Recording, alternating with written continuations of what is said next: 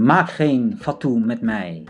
Mijn naam is Erik Patisolano en de motiverende kracht achter het bestaan van deze podcast is dat ik het leven voor de mens zie als één grote ontdekkingsreis.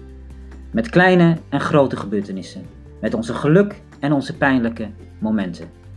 Mijn overdenkingen en mijn praktische tips deel ik graag met jullie om hiervan te leren.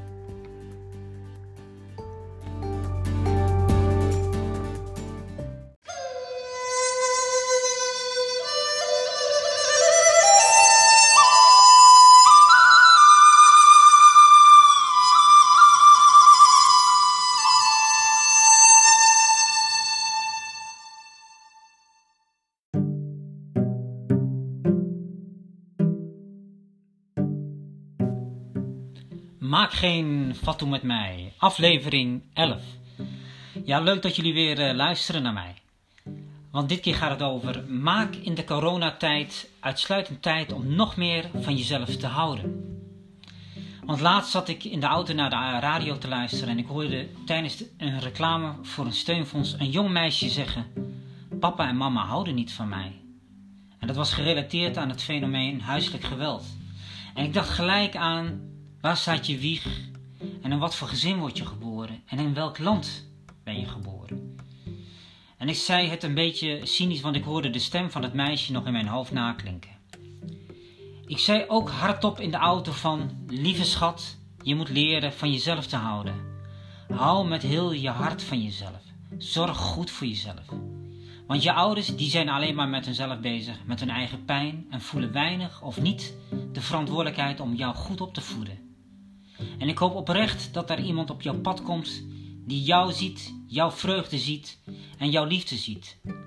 En toen zei ik: stuur haar iemand die dat voor haar kan zijn.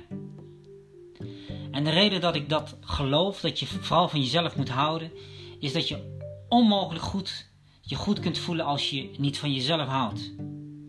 Door een slecht gevoel over jezelf blokkeer je alle liefde en al het goede wat jij kunt aantrekken.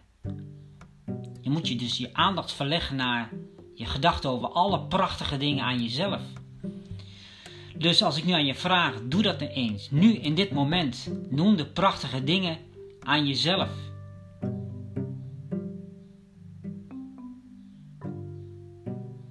Nou, hoe was dat? Hoe voelde dat? Het geeft vreugde, hè?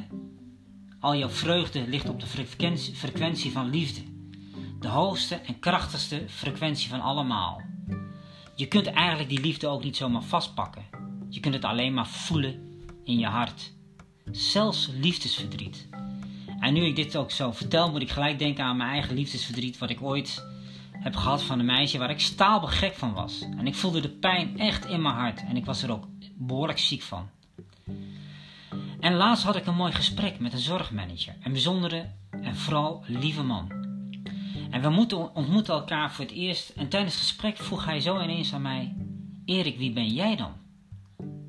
En als een vraag aan mij gesteld wordt, voor mij een hele bijzondere vraag, dan word ik altijd even stil.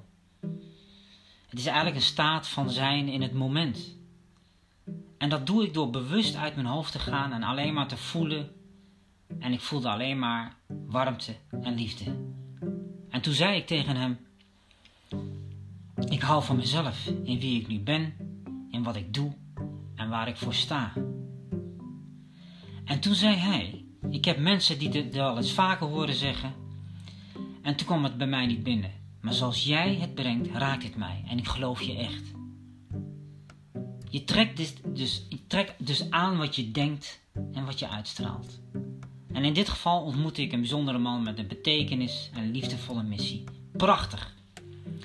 En dan nog wat opbouwende inzichten als het gaat om het thema: maak in de coronatijd uitsluitend tijd om nog meer van jezelf te houden. En dat is één: behandel jezelf met liefde en respect. Als je jezelf hierin tekort doet, dan heb je een ander niets te geven. 2. Richt je op eigenschappen die je jezelf waardeert. Je zult zien dat deze nog groter en betekenisvoller gaan worden. Ze worden onbegrensd, met als gevolg dat de problemen verdwijnen. 3. Wanneer je geen goed, goed, goed gevoel hebt over jezelf, wees dan toch vooral niet te streng. Je loopt dan het risico dat je onbewust mensen naar je toe trekt die dat slechte gevoel over je laten aanduren. Lieve luisteraar, je bent gewoon weg schitterend. Heb gewoon gezond respect voor jezelf. Je hoeft je niet te bewijzen, te pochen, te rechtvaardigen. Hou van jezelf, elke dag weer. En dan kun je misschien ervaren dat je helemaal één bent met jezelf. Succes!